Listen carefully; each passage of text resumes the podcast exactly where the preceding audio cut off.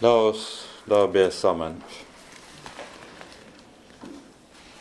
Kjære gode Herre, hellige Gud og Far. Så takker og lover vi deg på ny for all din godhet imot oss. Takk du hellige og trofaste Gud, at du har gitt oss din egen sønn for at vi skal bli frelst. Takk at du ikke sparte ham, men ga ham for oss alle.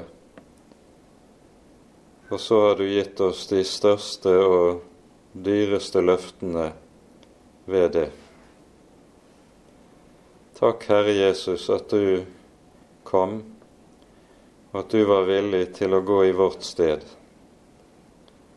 Nå ber vi, gode Herre, at du vil sende din ånd, så vi kan se deg og kjenne deg rett. Amen.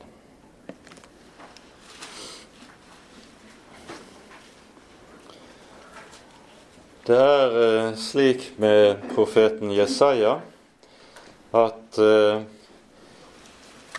Jesaja alene eh, er det skriftet i Det gamle testamentet som i Det nye, det nye testamentet hyppigst viser tilbake til, viser til profetiene her som oppfylte. Og Det er faktisk slik at uh, henvisningen i Det nye testamentet til Jesaja er uh, like mange som til hele Det gamle testamentet for øvrig, når du leser uh, Det nye testamentet i sammenheng. Det 53. kapittel er høydepunkt, tror jeg vi med rette må kunne si. Og vi møter denne teksten også i en hel rekke sentrale sammenhenger i Det nye testamentet. Vi skal komme tilbake til noen av disse.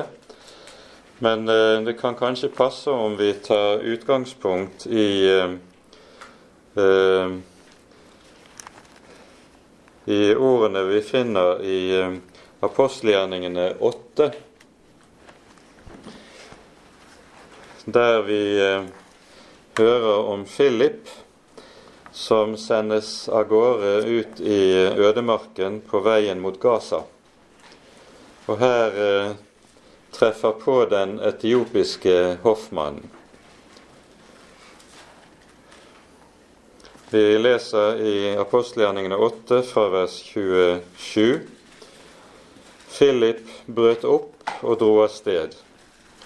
Og se, en etiopisk hoffmann, en mektig embetsmann som hadde tilsyn med skattkammeret hos den etiopiske dronning Kandake, var kommet til Jerusalem for å tilbe. Han var nå på hjemvei og satt i vognen sin og leste fra profeten Jesaja. Da sa ånden til Philip, gå dit bort og hold deg nær til den vognen.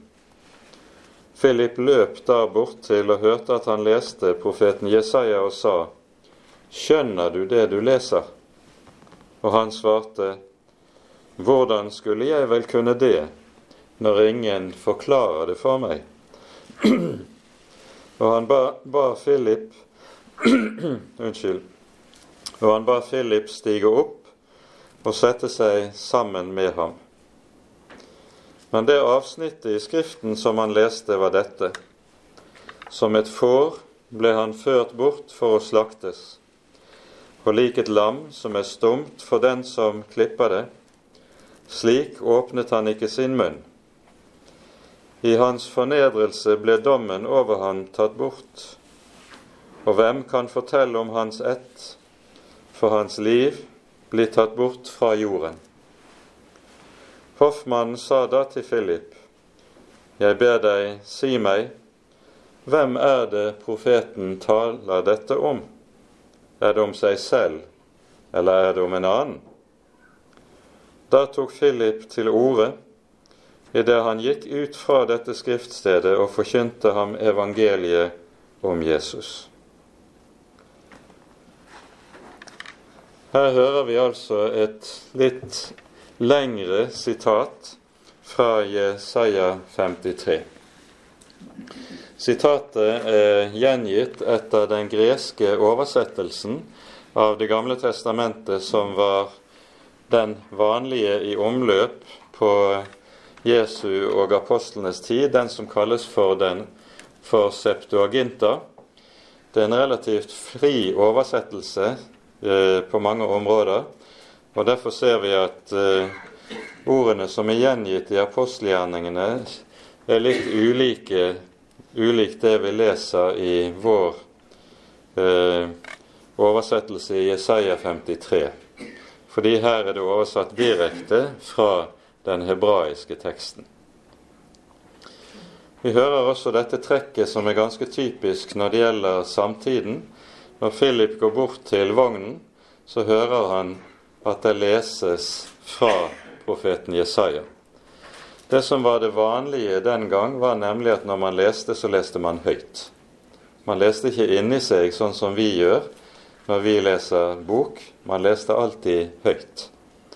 Og Derfor hører altså Philip at uh, denne hoffmannen leser fra Jesaja. Og så går han ut fra denne teksten, hører vi, og forkynner evangeliet om Jesus. Og I de åtte-ti første kapitlene i apostelgjerningene finner vi en hel rekke henvisninger til Jesaja 53. Vi skal ikke gå inn på alle disse i dag, men det er et studium verd å fordype seg i akkurat det.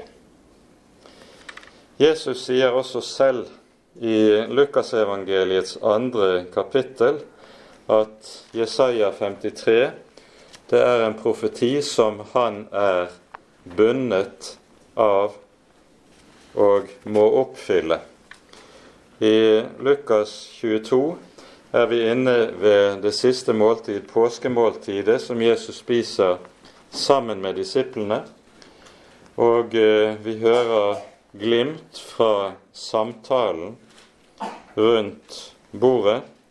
Og i vers 37 sier, hører vi Jesus si For jeg sier dere at det må oppfylles på meg, dette som er skrevet. Han ble regnet blant overtredere, for det som er skrevet om meg, er til ende. Og Her siteres det altså for slutten av det 53. kapittelet hos Jesaja, og Jesus sier uttrykkelig at dette er skrevet om ham. Og slik er det Det nye testamentet forstår denne teksten helt entydig vi kommer til å komme tilbake til flere av eh, tekstene som viser til Jesaja 53, men dette får være nok innledningsvis. Nå tar vi oss tid til å lese teksten i sammenheng. Vi leser fra eh, den siste utgaven av Norsk bibel.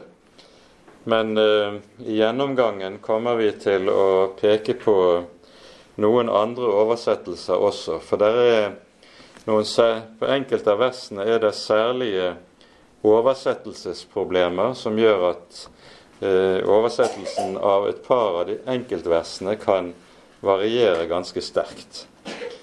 Men det kommer vi tilbake til.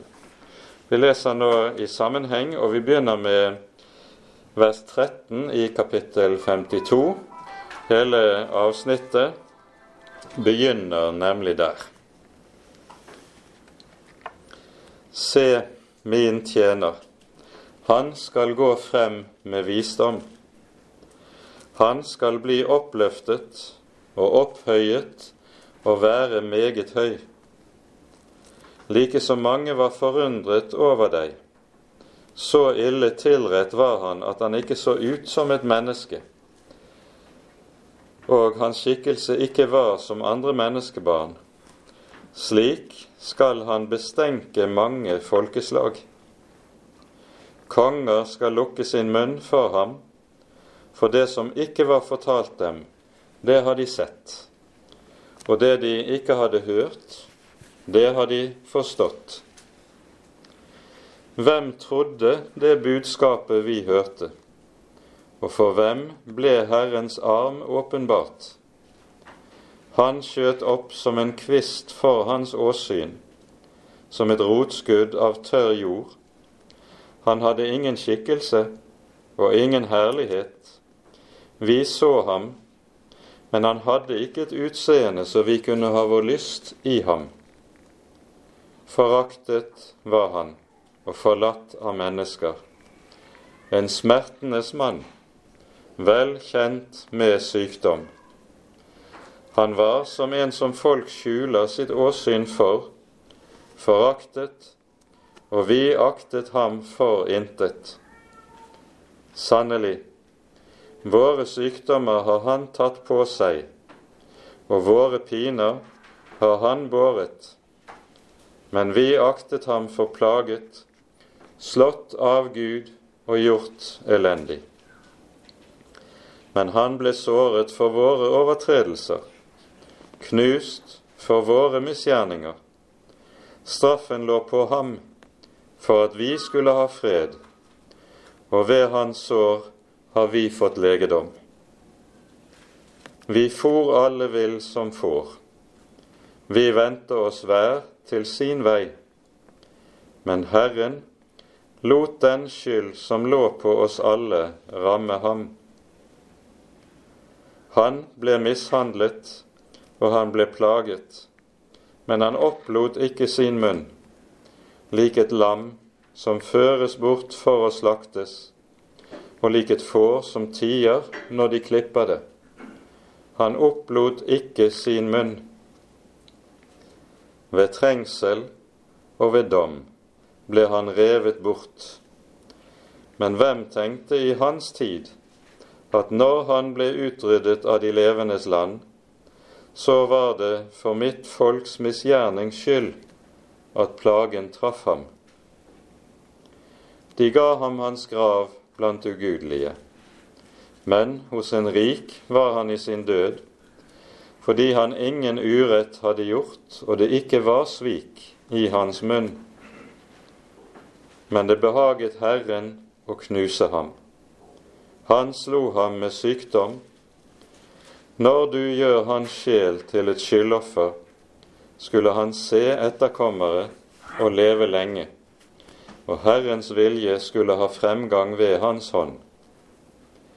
Fordi hans sjel har hatt møye, skal han se det òg mettes.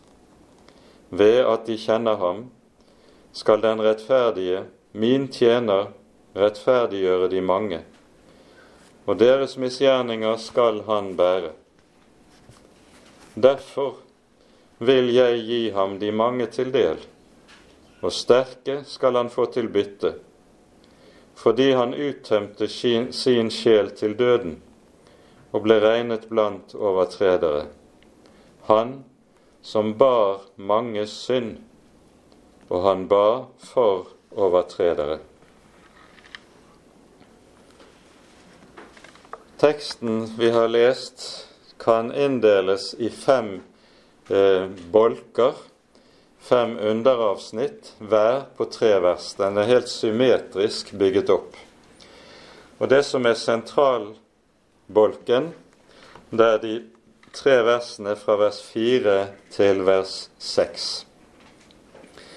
Disse tre versene utgjør også det som er sentrum i trøsteboken hos Jesaja. Det, det, er også rent sånn vers Hvis du teller vers og kapitler, så er dette det som står midt i trøsteboken hos Jesaja. Så det er liksom på den måten også sentrum.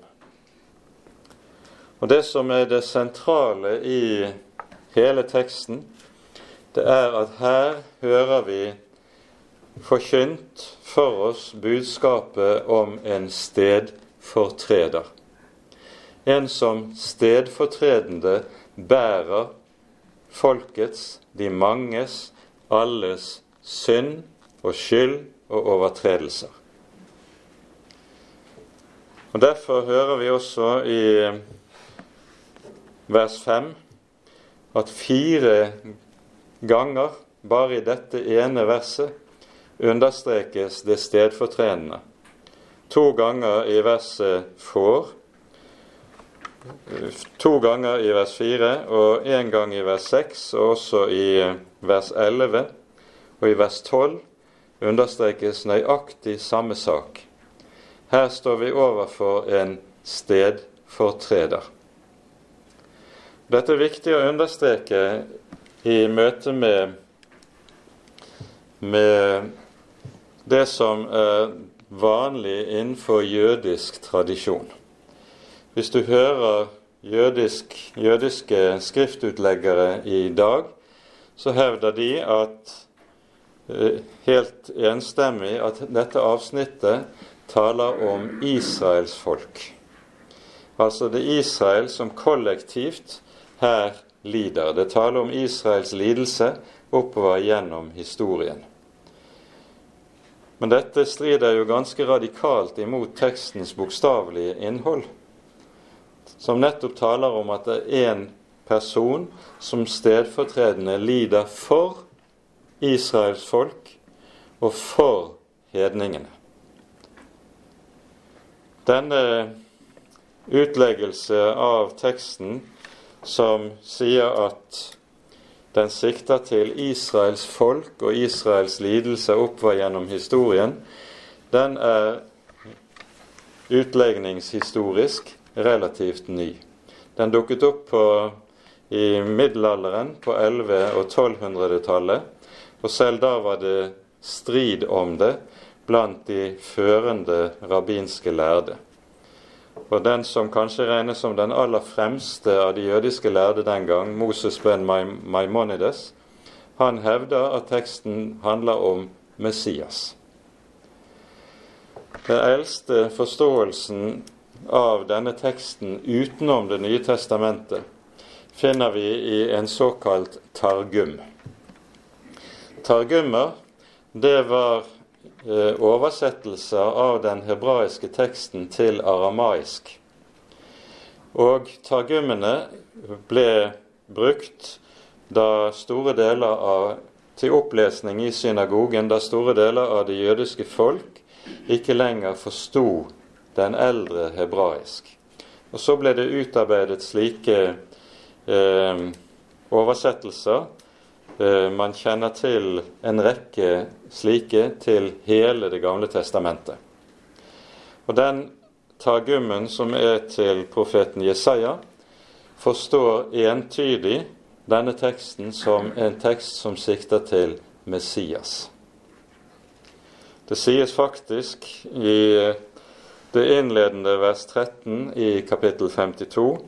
Der står det i talgummen Se, min tjener Messias skal gå frem med visdom. Så teksten identifiserer altså dette som Messias. Og dette er en skriftforståelse som er eldre, eller går forut for Jesu tid og apostlenes tid. Nok om det. Teksten begynner da med ordet 'se'. Og Dette er et ord som profeten Jesaja anvender når han skal gjøre oss særlig merksomme på det som nå følger. Vi finner ordet 'se' som innledning til i kapittel 7,14. Se, en jomfru skal bli med barn og hun føder en sønn og gir ham navnet Immanuel. Vi finner det samme i innledningen til kapittel 42. Se min tjener som jeg har utvalgt. Jeg, jeg legger min ånd på ham, og jeg har velbehag i ham. Så dette ordet 'se' står altså som innledning til en rekke av de mest sentrale Messias-profetiene. Og De brukes altså av profeten for å vekke vår oppmerksomhet spesielt på det som nå kommer. Så kalles Messias for Herrens tjener, slik som vi har hørt det i de tidligere tjenersangene som vi var inne på eh, i forrige bibeltime. Og det står om ham han skal gå frem med visdom. Og Dette uttrykket 'å gå frem med visdom' det inneholder mer i grunnteksten enn vi ser uten videre. Det innebærer nemlig at når en går frem med den visdom som Herren gir, så vil også verket lykkes.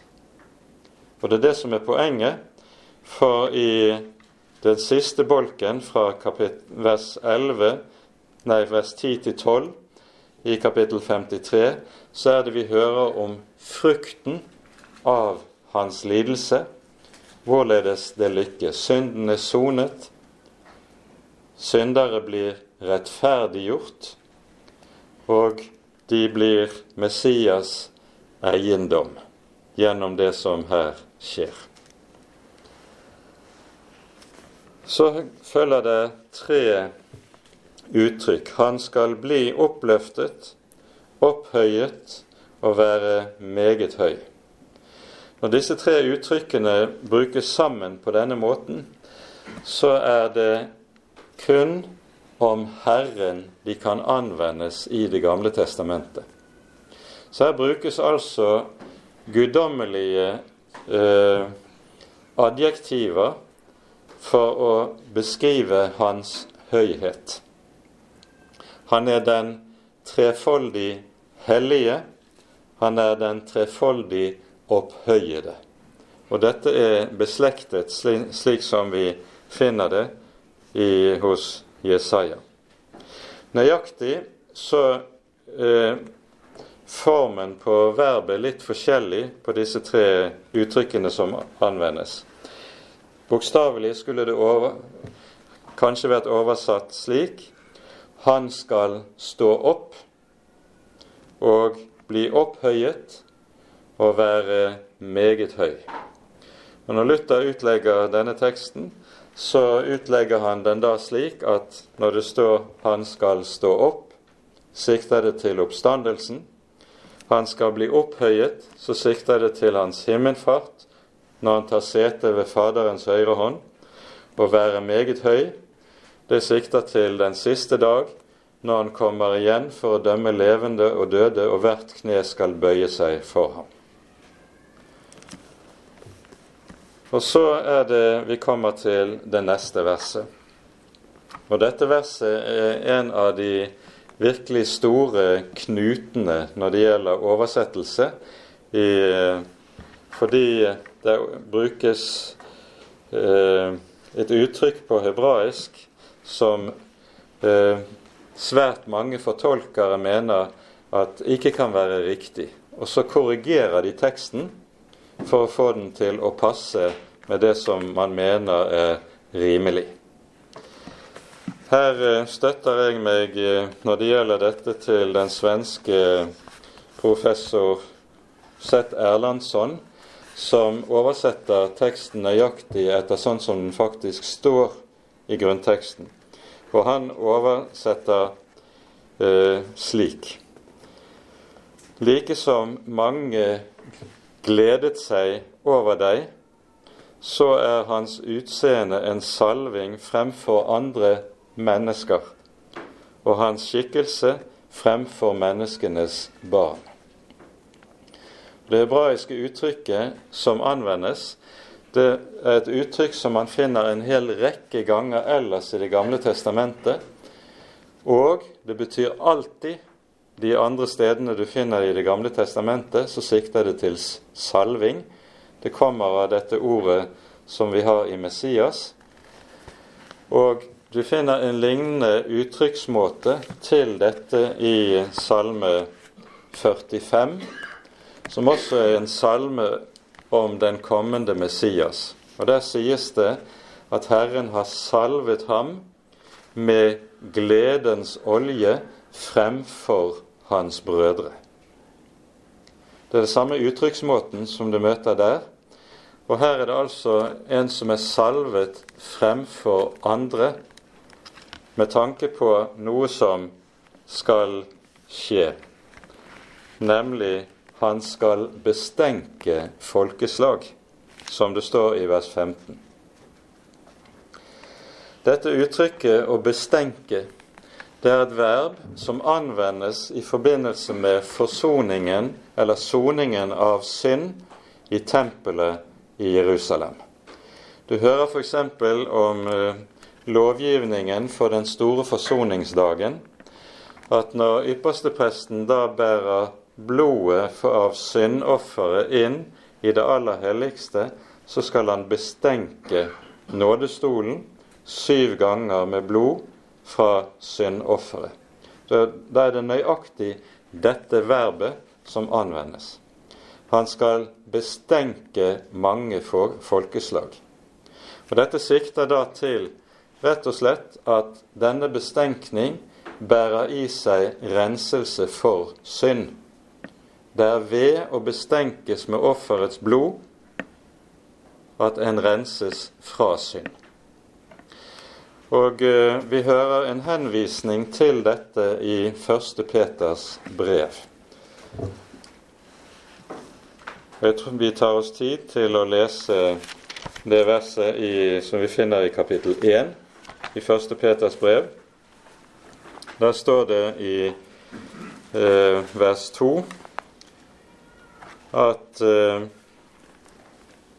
når, etter at vi hører Peters, hvem Peter har adressert brevet til, så står det om disse de er utvalgt etter Gud Faders forutviten i Åndens helliggjørelse og lydighet, og til bestenkning med Jesu Kristi blod. Og Det Peter her har i tanke, det er nettopp dette uttrykket som anvendes her i Isaiah 52.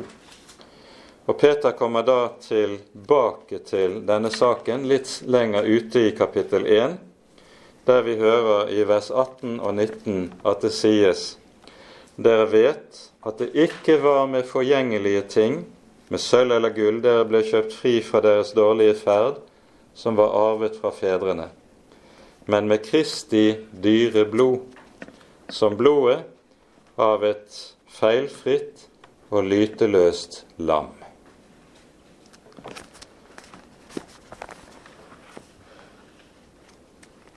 denne oversettelsen som vi dermed følger, den følger grunnteksten helt bokstavelig. Og dette gir meget god mening i forhold til hvordan teksten altså også forstås i Det nye testamentet.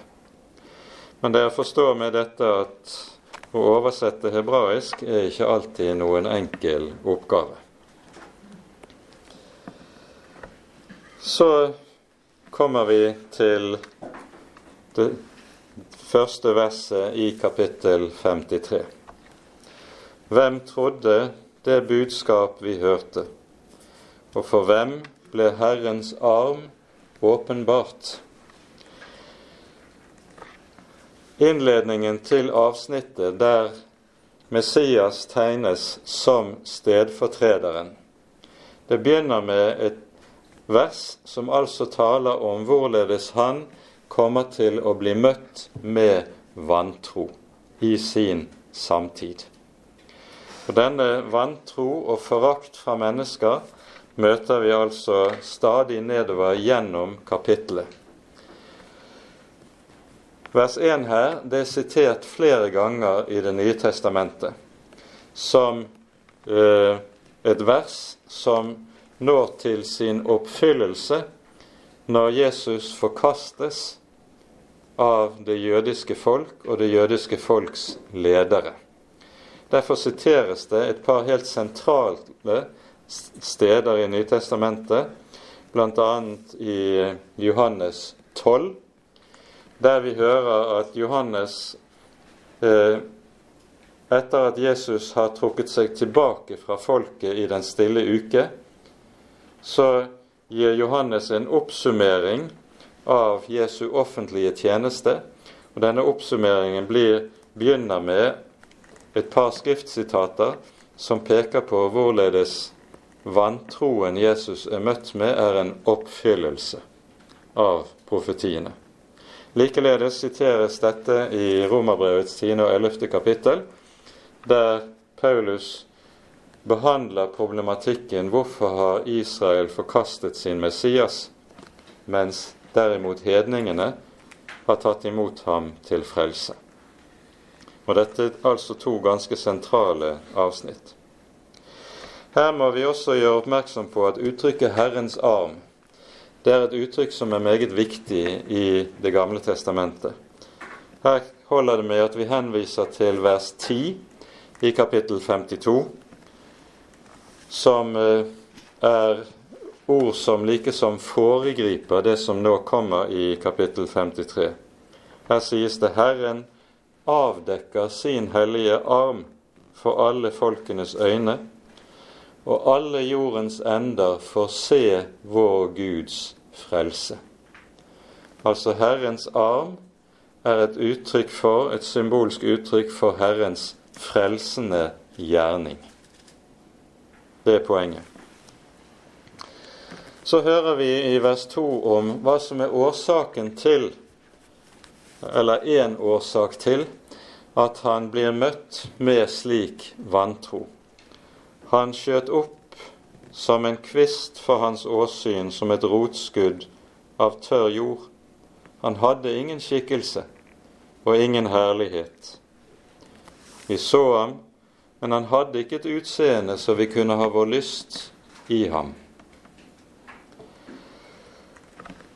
Når det først brukes uttrykket 'han skjøt opp som en kvist', så brukes det her et uttrykk i grunnteksten som betyr en meget sped spire som spirer frem på, som en ny eh, gren, eller hva det nå må være for en plante. Det er en meget sped spire.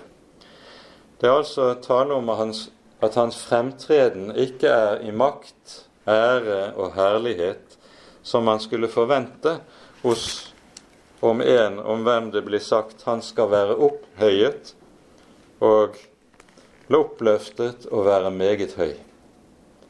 Det er han som er så opphøyet, han er samtidig uten skikkelse og uten herlighet. Og tre, hans fremtreden er altså sped, liten og hjelpeløs.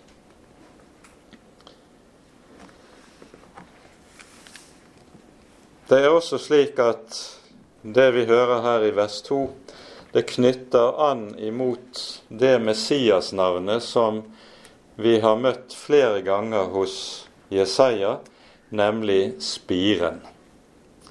Vi har hørt om spiren allerede i det fjerde kapittelet hos Jesaja. Vi leser bare et par av de versene i kapittel fire. Her sies det på den dag skal Herrens spire være til pryd og herlighet og landets frukt til stolthet og til pryd for de unnkomne av Israel. Og går vi til vers 11, der vi jo har en av de aller mest sentrale Messias-profetiene. Her sies det en kvist skal skyte frem av Isais stubb, og et skudd av hans rot skal bære frukt. Det som er særegent med det vi hører her i Jesaja 53, det er at han er en som spirer av tørr jord. Hva er det som spirer i tørr jord? Det er ingenting. Jord må ha vann for å kunne gi grunnlag for vekst. Ingenting kan spire i tørr jord. Så når det sies at han spirer i tørr jord, så sies det med det at hele hans fremtreden dermed er et under. Det har vært sånn gjennom eh, store deler av eh, moderne teologis historie at man har beskjeftiget seg med et problem som sier hvor kan vi finne bakgrunnen for Jesu fremtreden og det vi hører om Jesus i Det nye testamentet? Så leter man i ulike strømninger, foreteelser, fenomener man finner i samtiden. Der finner du en årsak til det vi hører om Jesus. Der finner vi en årsak til det. Men poenget her er at Jesu, Jesu virke og Jesu person kan ikke forklares ut fra noe i hans samtid. Han har så å si sin rot i seg selv, for han kommer ovenfra, ikke nedenfra. Som han jo understreker ved en rekke anledninger i sitt virke. Det hører vi særlig i Johannes evangeliet. Så det vi altså møter her, det er dette paradoksale at han som er høy og opphøyet og meget høy, han fremtrer samtidig uten herlighet. Og dette gir grunnlag for det vi hører i vers 3. Foraktet var han, og forlatt av mennesker. En smertens mann, vel kjent med sykdom. Og 'Smertens mann', det er vel Det er jo skrevet en bok med den tittelen som eh, Det er en tittel som eh, boken dreier seg om eh, Jesu lidelseshistorie. For det er jo i hans lidelseshistorie vi ganske særlig møter disse ting. Men gjennom hele hans virke så var jo Jesus også foraktet av de mektige, av de store, de som betød noe i det jødiske samfunn. De som tydde til ham, de som trodde på ham, de som fikk hjelp av ham, det var de små og de hjelpeløse, og de som kom til ham med sin nød og med sin hjelpeløshet og med sin synd. De som var noe, de hadde bare forakt til overs for ham. Han var som en som folk skjuler sitt åsyn for. Når det uttrykket anvendes, så er det et uttrykk som, som uh, i uh, datiden handlet om de spedalske. Møtte, de spedalske var jo tvunget til å bo utenfor byene. De fikk ikke lov til å ta del i det vanlige samfunn. Og møtte man spedalske på veien, skjulte man sitt ansikt og så bort. Og slik er det også at i en av de gamle kommentarene til dette kapitlet fra før Jesu tid, så kalles Jesus faktisk for Eller Messias kalles for den spedalske. Og så kommer vi til selve sentralavsnittet, vers 4 til 6 det er altså det stedfortredende understrekes med så stor styrke at det gjentas syv ganger i disse versene. Sannelig, våre sykdommer har han tatt på seg.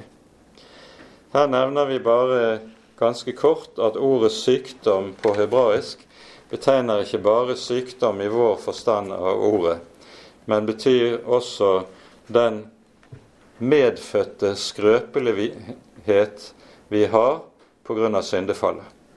Det regnes også inn under begrepet sykdom i det hebraiske ordet. Og du må lese ut av sammenhengen hva som er betydningen når du støter på dette ordet i grunnteksten. Våre piner har han båret, men vi, altså Israel, aktet ham for plaget, slått av Gud og gjort elendig. Altså, folket så på hans lidelse og tenkte denne lidelse er vel fortjent. Han har spottet Gud, følgelig må han lide det han lider. Dette er jo noe vi møter en kommentar til i Salme 22 som er den salmen i Salmenes bok som eh, aller sterkest taler om Messias lidelse. Men vi har ikke tid til å gå inn på det i denne sammenheng.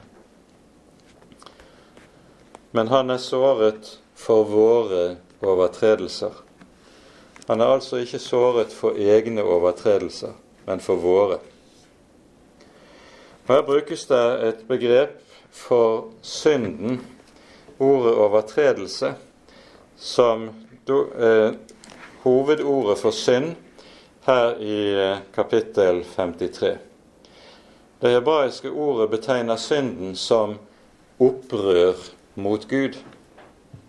Det er ikke bare en tilfeldig, uh, feilaktig handling, men den betegner synden som opprør mot Gud. Og det er altså da tale om den bevisste oppstanden som fallet innebærer, og som ligger i hvert menneske som et, en vrede mot Gud, som en del av synden i oss. Men denne, dette opprør, det har han altså tatt på seg og båret. Våre Han er knust for våre misgjerninger. Ordet som her er oversatt med 'knust', det er et ord som nok heller burde oversettes med ordet 'gjennomboret'. Han er gjennomboret for våre misgjerninger. Og på ny har vi da Salme 22 i minne, der det sies, der den lidende Messias sier de har gjennomboret mine hender og mine føtter. Og vi har også ordene i, hos profeten Sakarias i eh, det tolvte kapittel, eh, der eh, Herren lover peker frem imot den tid når Israels folk skal vende om til sin Messias. Jeg vil se dager komme, sier Herren, der jeg vil utgyde over Jerusalems innbyggere og Judas folk nådens ånd og bønnens ånd. Og de skal skue opp til meg, som de har gjennomboret. Israel har gjennomboret sin egen Herre, sin egen Gud. Det sies altså ikke i denne teksten de skal skue opp til Han som de har gjennomskuet, men det talende subjekt i Sakarias 12 er Herren, for Herren sier altså de skal skue opp til meg, som de har gjennomboret.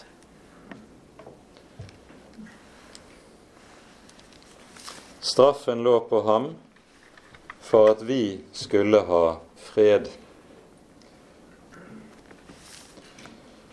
På grunnteksten er dette meget kompakt formulert. Det står egentlig vår freds straff lå på ham. Og Poenget her er at frukten av soningen, det er at vi får fred. Vi får fred med Gud, og denne freden er noe som er en objektiv realitet. Det er ikke tale her om en følelse, men fordi Gud ved dette er blitt en Gud som er en forlikt Gud. Soning fører til forsoning. Forsoning er frukt av soning. Og forsoning betegner jo det at to parter som har vært i strid, strid med hverandre, forlikes. Og så blir det fred mellom disse to parter. Og det er nettopp dette soningen utvirker. Soning gir fred fordi det er skapt forlikelse. Og ved hans sår har vi fått legedom. Den skade som fallet har utvirket i menneskenes liv og i menneskets hjerte, leges ved, soning, ved soningen. Det er poenget med det som sies her. Når vi så kommer til vers 6 vi for alle vil som får. Vi venter oss hver til sin vei. Så er disse ordene en annen og meget nøyaktig beskrivelse av hva synden er for noe. Synden består nettopp i det at mennesket vil gå sine egne veier, ikke vil gå på Herrens veier. Og dermed går mennesket uvegerlig vill. Og så brukes det her uttrykket 'vi for vill som får'. Og det er jo da slik at sauer er dyr som i veldig liten grad kan sies å ha stedsans. Sauer er nødt til å ha en hyrde for at de kan finne vei til vannhull, til gressganger der de kan finne mat. Sånn er det i hele Midtøsten. Det er langt mellom både vann og gressganger. Og Derfor er sauer i dette området hjelpeløst avhengig av hyrde. Uten hyrde farer de vill. Og Sånn er det med oss mennesker også. Uten Herren så farer vi uvegerlig vill. Vi er ute av stand til å finne vei på egen hånd, og eh, det er jo noe det myndige mennesket slett ikke liker å høre, men det er det som er realiteten om mennesket. Og jo mer mennesket følger sin egen vilje, vandrer på sine egne veier, jo mer farer det vil. Sånn tenker Skriften. Og så føyer verset til Men Herren, Herren lot den skyld som lå på oss alle, ramme ham. Altså all menneskelig villfarelse som kommer av at mennesket går etter eget hode og etter egne tanker. Alt ble lagt på ham, uten unntak.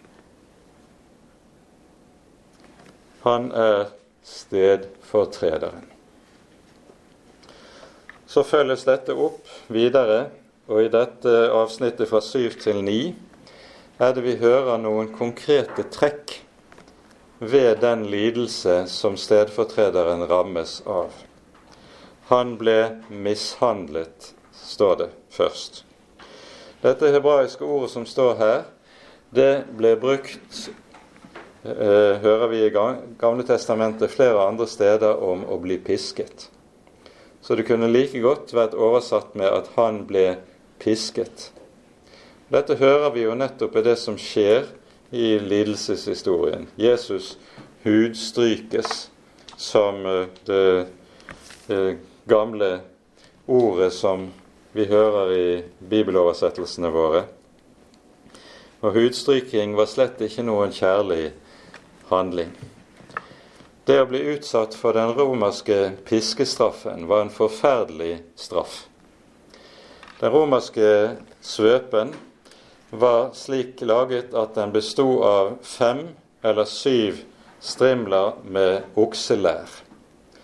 Og I disse strimlene med okselær var det felt inn eller lagt inn enten små kuler av bly eller bensplinter. På en slik måte at når en mann ble pisket med dette, så ble huden umiddelbart revet opp. Og hvis det da er slik at Jesus får 39 piskeslag, vi vet ikke hvor mange slag han blir rammet av, så vil det ha vært slik helt konkret at huden på ryggen vil være sprukket fullstendig opp etter de første tre-fire piskeslagene. Og så vil svøpen etter hvert ete seg inn i muskulaturen på ryggen, og kanskje gå så dypt at til slutt blir bena langs ryggen og langs ribbena blir lagt bare. Piskestraffen som romerne anvendte, var en forferdelig straff. Og det var ikke uvanlig at de som ble utsatt for denne, de døde under piskingen. Det å overleve piskingen, det var i seg selv tegn på at man var meget sterk. Og Det er dette som også er årsaken til at Jesus dør så raskt etter korsfestelsen. Han var så mishandlet på forhånd at mens en korsfestelse uten denne behandlingen på forhånd kunne medføre at en stakkar ble hengende på korset opptil tre døgn før han døde, så dør Jesus altså bare etter seks timer. Og Dette har sin årsak i mishandlingen han er utsatt for på forhånd. Han ble mishandlet, han ble plaget, men han opplot ikke sin munn.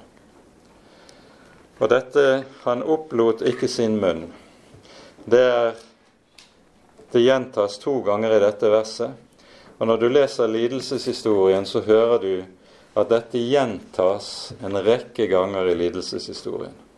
Når Jesus sto for Kaifas, han svarte ham ikke et ord. Når han sto for Herodes, han opplot ikke sin munn. Og det samme også for Pilatus. Han svarte ham ikke. Dette gjentas. Han tiet like som et får som føres bort for å slaktes. Og nå dukker altså dette begrepet opp. Han er lik et lam som føres bort for å slaktes, og et får som tier når de klipper det.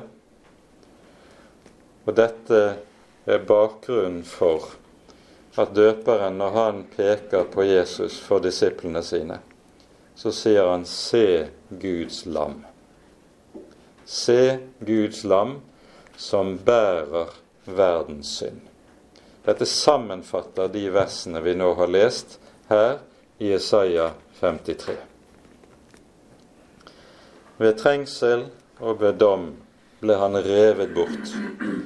Men hvem tenkte i hans tid at når han ble utryddet av de levendes land, så var det for mitt folks misgjernings skyld at plagen traff ham. Det var ikke for hans egen skyld, for han hadde ingen egen skyld.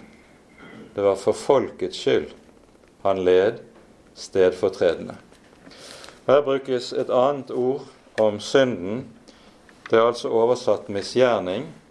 Og det hebraiske ordet kommer av et verb som betyr å bøye noe. Altså gjøre noe kroket. Og det betegner synden som pervertering. Synd er pervertering av det som var godt og rett som Gud skapte. Det perverterer det skapte.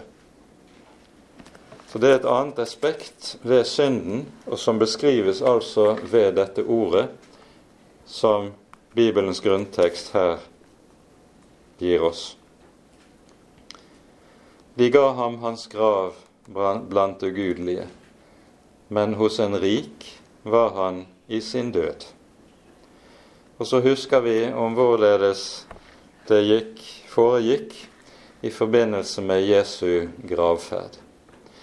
Josef av Arimathea får tillatelse av Pilatus å ta ned Jesu døde legeme, salver og balsamerer kroppen og legger det i sin egen grav. Og dette var imot all orden. Romerne pleide å gjøre det slik dersom noen var blitt korsfestet, så lot de enten den korsfestede henge på korset etter at han var død, slik at rovfugler kunne komme og spise seg mette på den døde stakkar, eller liket ble kastet på dungen. For hele poenget med korsfestelsesstraffen var å vanære den stakkaren så dypt som mulig. Og da kunne han ikke få en begravelse. Men her hører vi altså at mot alt det som skulle forventes, får han en begravelse der han får denne så å si siste ære, som romerne normalt ikke unnet de som var korsfestet. Så kommer det til Det sies også altså hos en rik var han i sin død fordi han ingen urett hadde gjort og det ikke var svik i hans munn. Her understrekes meget sterkt hans syndfrihet. Det er ikke på grunn av egne synder og egen skyld han må lide dette. Det er stedfortredelse. Det var for våre misgjerninger. Så kommer det avsluttende, de avsluttende tre verset der alt summeres opp og vi hører hva som er frukten av hans lidelse. Det behaget Herren å knuse ham. I det ligger det at det, denne død, denne stedfortredende lidelse, den var etter Guds vilje.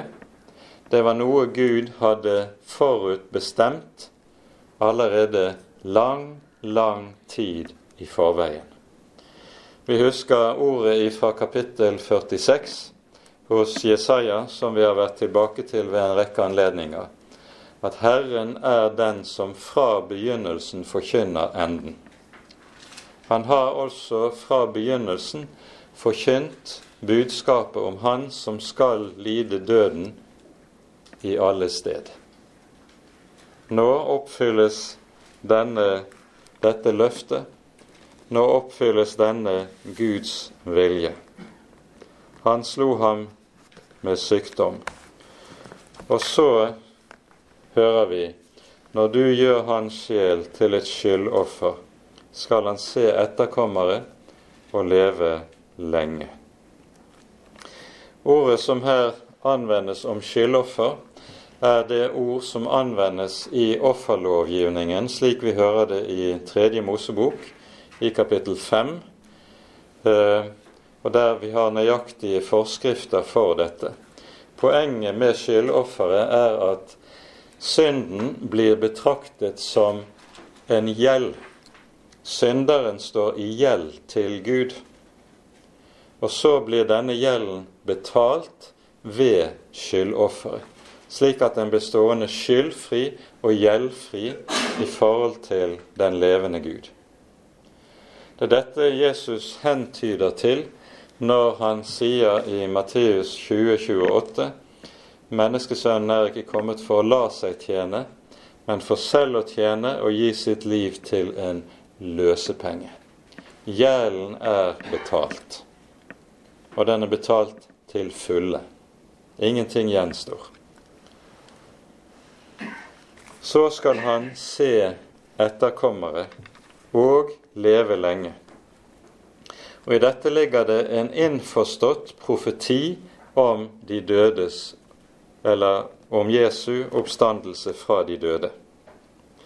I vers 8 og 9 sies det uttrykkelig at denne lidelse fører ham inn i døden og i graven. Men i vers 10 hører vi det underforstått lyder at han også skal reises opp igjen og leve lenge. Dette uttrykket 'leve lenge' det er også et særegent uttrykk i den bibelske grunntekst, som i veldig mange sammenhenger peker mot det å få et liv utover døden og graven. Og det er nettopp det som er tankegangen her og her er det vi altså ser en av de tekstene som også taler om Kristi oppstandelse fra de døde. Det ligger innforstått i dette. Og det samme må sies om det vi hører i vers 11 og 12. Fordi hans sjel har hatt møye, skal han se og mettes. I eh, ved Qumran er det funnet to, full, to, skriftruller som inneholder den fullstendige teksten av profeten Jesaja. Og Der det, står det et ord som eh, ikke står i de senere hebraiske overskrifter som de fleste bibeloversettelser baserer seg på. Det står nemlig 'fordi hans sjel har et møye, skal han se lys og mettes'. Og Det er tydelig da at dette har vært en viktig tekstutgave som har vært i vanlig omløp på Jesu tid, men som antagelig da har blitt borte i ettertiden. Han skal se lys og mettes. Og nå kommer det. Ved at de kjenner ham, skal den rettferdige min tjener rettferdiggjøre de mange. Når Paulus taler om rettferdiggjørelsen i romerbrevet, så er det Paulus forkynner om rettferdiggjørelsen, det bygger på dette som vi her hører. Rettferdiggjørelsen er en frukt av at det er gjort soning for synd, at det er en stedfortreder som har gått i vårt sted. Det er ingen forskjell. Alle har syndet og står uten ære for Gud, hører vi i Romerbrevet 3. Men de blir rettferdiggjort uforskyldt ved forløsningen i Kristus Jesus. Og dette er altså frukten av hans lidelse, frukten av at det er skjedd soning. Og I Romerbrevet kapittel 3 så hører vi altså at eh, Paulus legger til at Gud stilte ham frem på en slik måte at det vi hører om lidelsen her i Jesaja 53, det er måten Gud stiller han frem på. Så ser vi ham, tror ham og blir rettferdiggjort ved ham. Han ble stilt til skue i sitt blod, er uttrykket Paulus anvender i Romane 3. Og deres misgjerninger skal han bære. og så kommer det til slutt Derfor vil jeg gi ham de mange til del, og sterke skal han få til bytte. Her møter vi en tankegang som Jesus også knytter opp imot en rekke ganger i Johannesevangeliet. I Johannes 6 sier Jesus f.eks.: Alle de som Faderen gir meg, kommer til meg. Og den som kommer til meg, vil jeg ikke støte bort. Poenget er at de som hører Jesus til, de hører ham til fordi de er Guds, de er Faderens gave til sin sønn. Og Her snur Bibelen på hodet det som er en meget vanlig tankegang blant mange kristne. De sier 'Jeg er en kristen fordi jeg har gitt hjertet mitt til, eller gitt livet mitt til Jesus'. Nei, det er ikke sånn det henger sammen.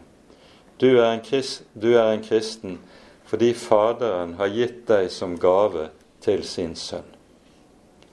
Når sønnen lider døden, så ber han om en lønn for sin smerte.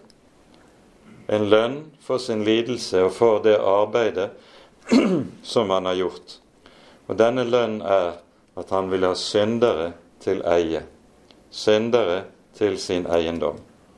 Dette er formulert uttrykkelig i Salme 2, og vi tar oss tid til å lese et par vers derfra.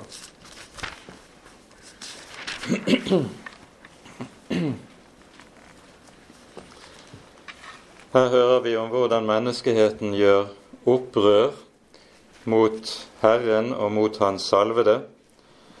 Og Guds svar kommer ifra vers 4. Han som troner i himmelen, ler. Herren spotter dem.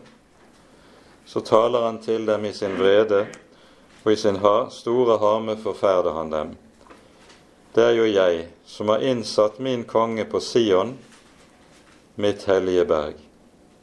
Jeg vil kunngjøre det som er fastsatt. Herren sa til meg, du er min sønn, jeg har født deg i dag, begjær av meg.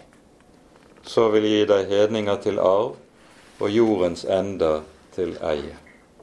Og Nettopp dette har Sønnen gjort. I sin lidelse så har han begjært én lønn for sitt arbeid, nemlig å få hedninger til arv og jordens ender til eie. Og så er det vi hører det altså lyder Derfor vil jeg gi ham de mange til del, og sterke skal han få til bytte, fordi han uttømte sin sjel til døden. Han ble regnet blant overtredere, han som ba om mange synd, men han ba for overtrederne. Her vil vi bare til slutt understreke at dette uttrykket 'han uttømte sin sjel til døden', det er det som ligger til grunn for den sentrale teksten som vi finner i Filippabrevets andre kapittel. Her hører vi det tale om Kristi fornedrelse og hans opphøyelse. Han, da han var i Guds skikkelse, holdt det ikke for et røvet bytte å være Gud lik, men han uttømte seg selv. Det har vært veldig mye diskusjoner rundt hva betyr dette uttrykket 'han uttømte seg selv'. Det greske ordet her er ekenosen, og man taler i tilknytning til det for, til, om såkalt kenosekristologi, nemlig at Jesus, hvilket som innebærer at Jesus ikke var fullt ut sann Gud mens han vandret her på jorden. Det er det som ligger i den typen teologi. Men Jesus uttømte seg ikke for å være Gud. Han fortsatte å være sann Gud under hele sitt jordeliv. Men han uttømte sin sjel til døden. Så Paulus uttrykk her det viser tilbake til denne formuleringen som vi har i Jesaja 53. Og Med dette ser vi hvordan Bibelens enkeltord og enkeltuttrykk i Det nye testamentet de er sammenvevet uløselig med det vi hører i Det gamle testamentet, og kan bare forstås rett dersom vi forstår det ut fra og i tilknytning til profetiene og løftene i Det gamle testamentet. Mye mer kunne vært sagt. Vi har Tiden renner ut for oss. Men han bar mange synd, hører vi, og han ba for overtrederne. Dette var yppersteprestens oppgave på den store forsoningsdagen. Det ble anskueliggjort ved at ypperstepresten, før han bar blodet av syndofferet inn i det aller helligste, så gikk han inn med en skål, gullskål med røkelse i det aller helligste. Og røkelsen symboliserer i Bibelen alltid bønnen. Og slik skulle ypperstepresten frembære bønn for folket før han gikk inn og gjorde soning for folket. Og Dette er jo bakgrunnen for at det 17. kapittelet i Johannesevangeliet kalles for Jesu ypperste prestlige bønn. Når Jesus ber denne bønnen, så er det like som ypperstepresten som går inn i det aller helligste, ber for sitt folk før han skal gjøre soning for deres synder. Denne Jesu ypperste prestelige tjeneste, den har ikke opphørt. Den fortsetter det sies i Hebreabrevet i det syvende kapittel at han lever ved Faderens høyre hånd. Han lever til å gå i forbønn for oss. Og så sies det derfor kan han alltid fullkomment frelse alle dem som kommer til Faderen ved ham. Det er evangeliet og dette er Det gamle testamentets evangelium som vi har vært samlet om i kveld. Ære være Faderen og Sønnen og Den hellige ånd, som var og er og være skal en sann Gud, høylovet i evighet. Amen.